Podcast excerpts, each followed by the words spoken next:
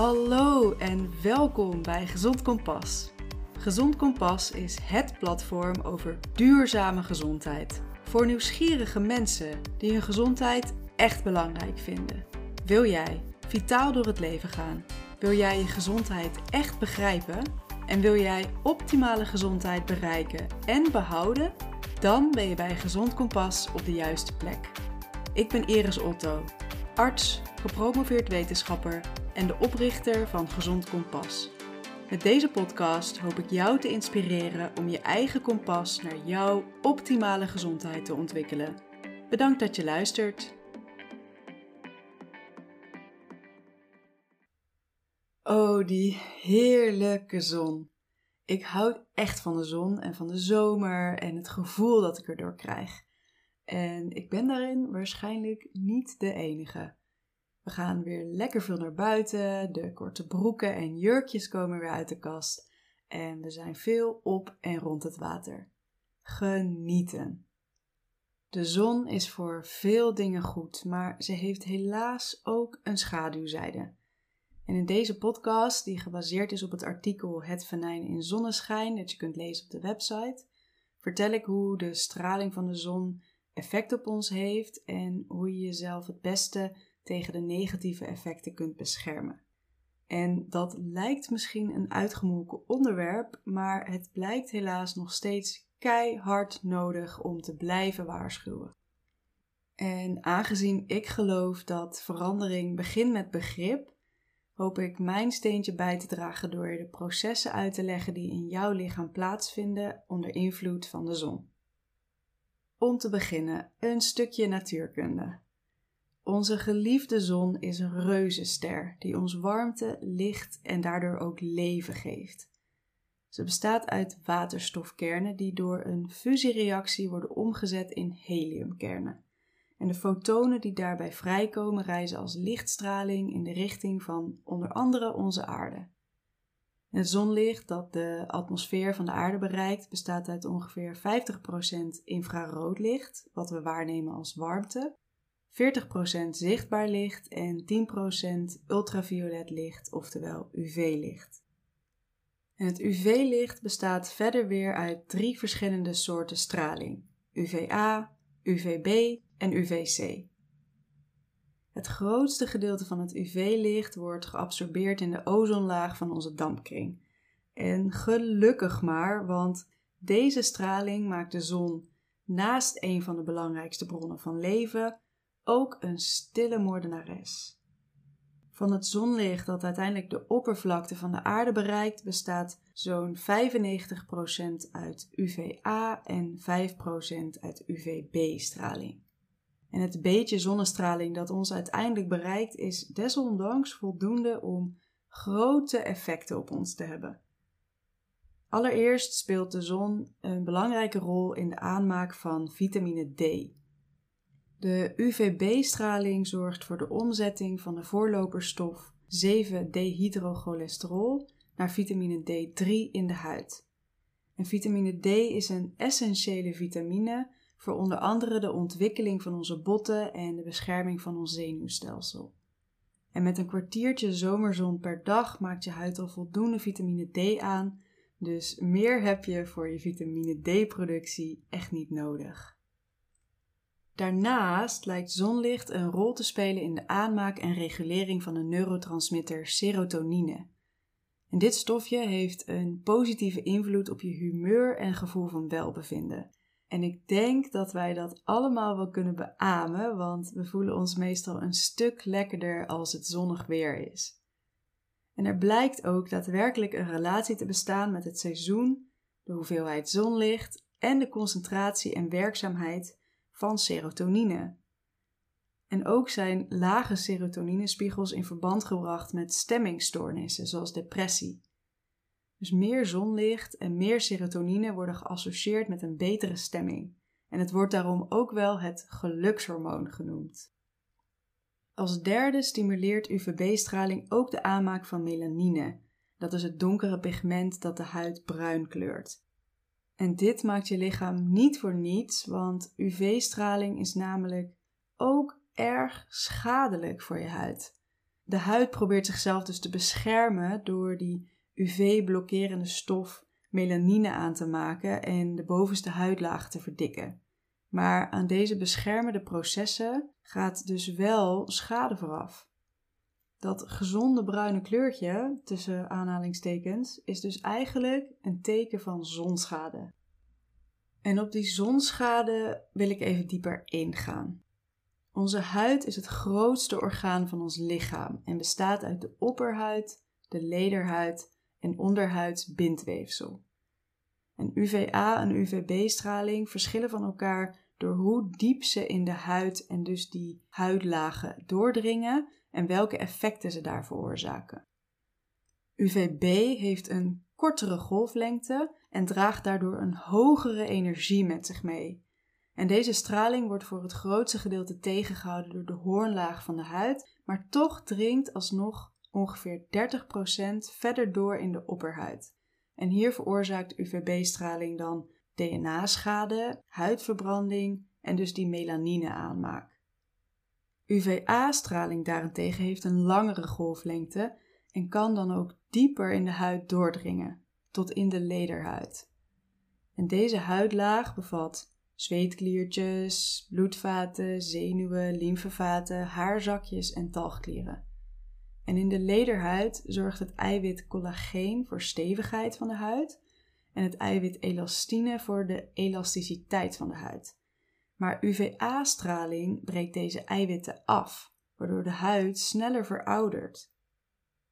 De zon is uiteindelijk de belangrijkste veroorzaker van rimpels, pigmentatie, roodheid en huidverzakkingen. En een treffend voorbeeld hiervan werd in 2012 gepubliceerd in het vooraanstaande wetenschappelijke blad The New England Journal of Medicine. En het gaat om een foto van het gezicht van een vrachtwagenchauffeur.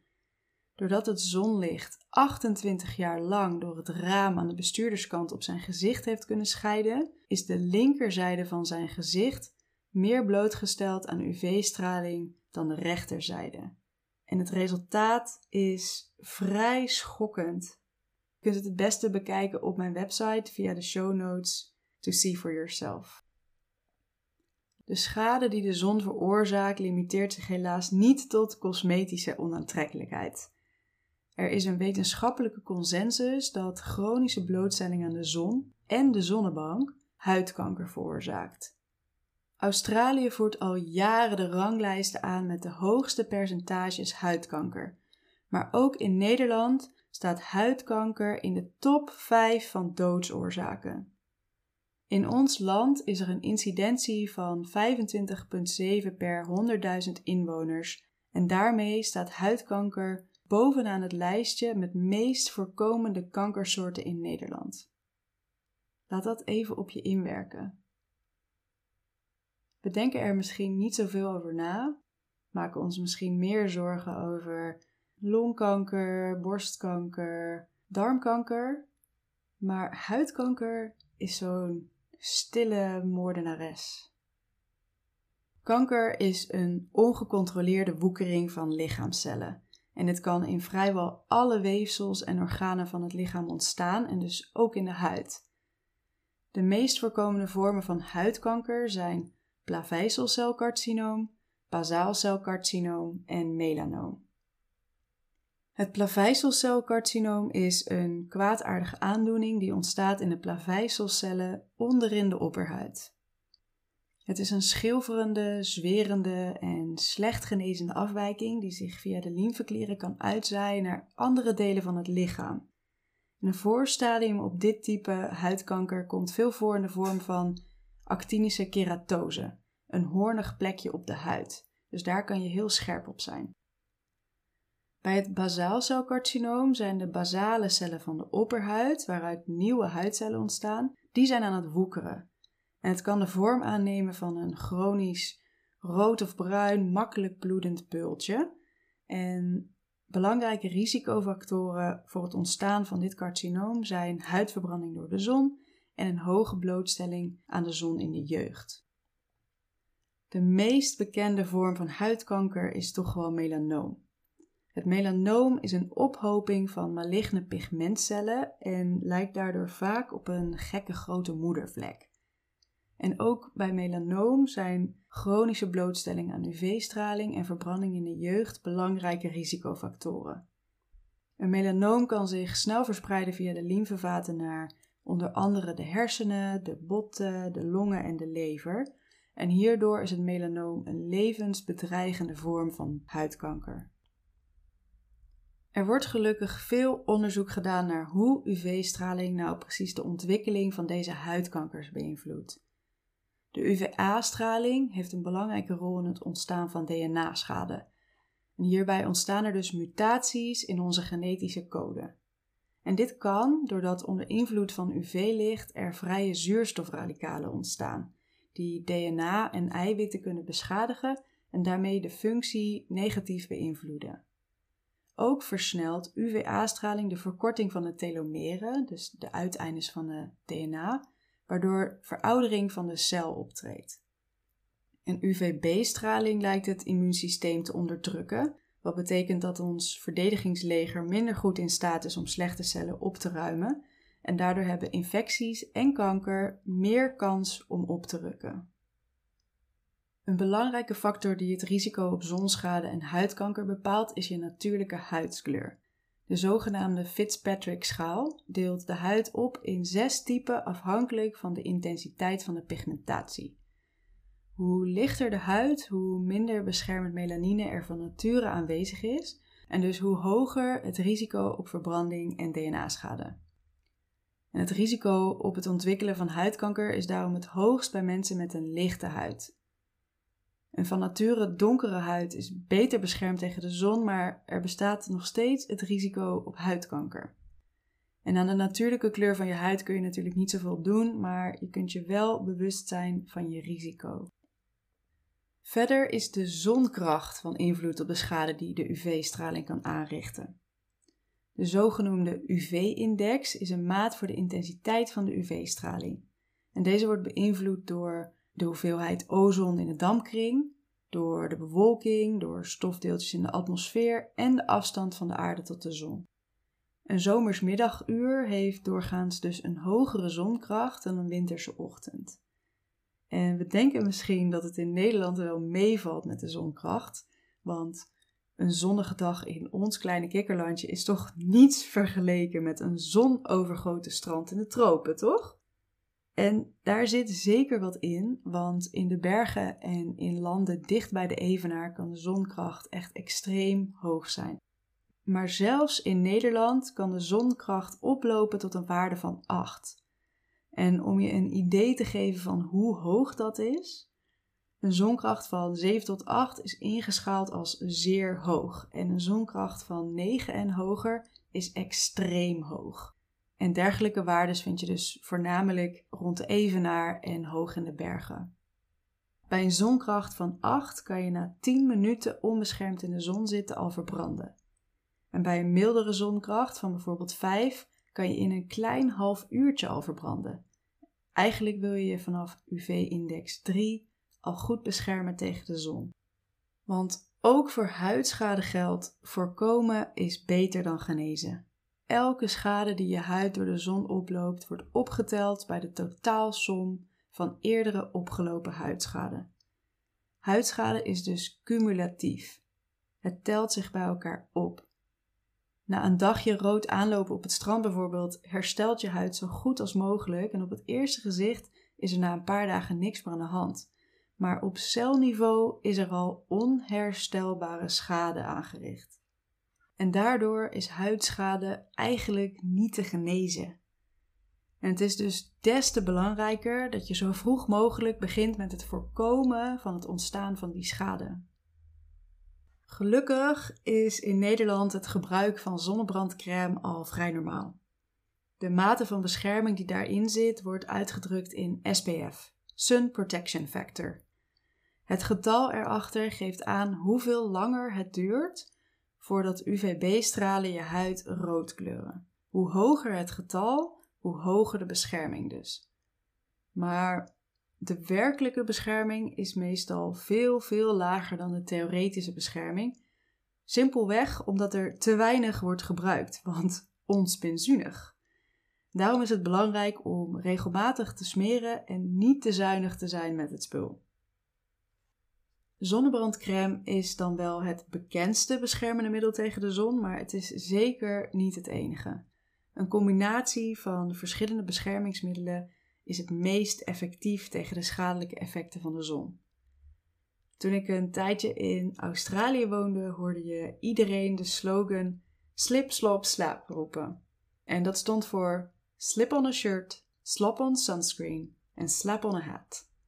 Beschermen tegen de zon was daar al een dagelijkse prioriteit. Down Under zijn ze al sinds de jaren 80 actief met waarschuwen voor de gevaren van de zon. En in Nederland lopen we misschien ietsje achter met de realiteitszin, maar in 2019 kwam KWF Kankerbestrijding met een soortgelijke campagne. Smeren, kleren, weren. Voorlichting was er altijd al, maar op de een of andere manier komt het gewoon niet voldoende aan bij het zonnende publiek en lopen nog veel mensen onnodig risico op huidkanker. Dat mooie bruine kleurtje verliest ineens zijn aantrekkelijkheid als je weet dat het leidt tot rimpels, pigmentatievlekken, een uitgedroogde en uitgezakte huid en mogelijk huidkanker.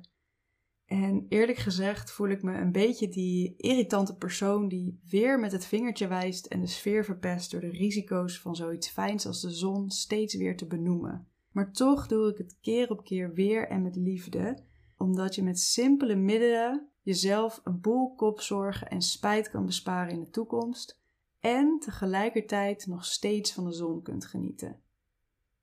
Voor de goede orde daarom even alle tips op een rij om je goed te beschermen tegen de schadelijke effecten van de zon zonder een kluizenaar te worden. Allereerst weren. Check dagelijks de verwachte UV-index. Het KNMI geeft een duidelijk weekoverzicht en ook op buienradar kan je een uh, regionale kaart vinden waarbij je de UV-index dus op die kaart kan zien. Vermijd onbeschermde blootstelling aan direct zonlicht, zeker wanneer de zonkracht het sterkst is op een dag. En een goede indicatie hiervoor is tussen 11 uur ochtends en 3 uur middags. Blijf dan dus uit de zon. Verder kies je bij voorkeur plekjes in de schaduw en ga niet onder de zonnebank. Just don't. Dan 2. Kleren. Draag bedekkende kleding. En hierbij maakt de dichtheid van de stof uit. Dus een dun wit katoenen shirt heeft een minder hoge beschermingsfactor dan een dikke zwarte jeans bijvoorbeeld. En er bestaat ook kleding met een UV-werende laag erin verwerkt. Draag een hoed, pet of zonneklep om je hoofd en je gezicht te beschermen en koop een zonnebril met een goede UV-filter van minimaal categorie 2. Als derde smeren. Kies voor een zonnebrandcrème met een SPF van tenminste 30. Lager dan dat heeft eigenlijk geen zin. Gebruik ook de zonnebrandcrème als het bewolkt is, want ook dan kan de UV-index heel hoog zijn. Smeer jezelf in met zonnebrandcrème tenminste 30 minuten voordat je de zon in gaat en breng het elke 2 uur opnieuw aan. Als je in het water bent geweest of veel hebt gezweten, dan is het aan te raden om je na het afdrogen direct opnieuw in te smeren, ook al heb je een waterproof zonnebrandcrème.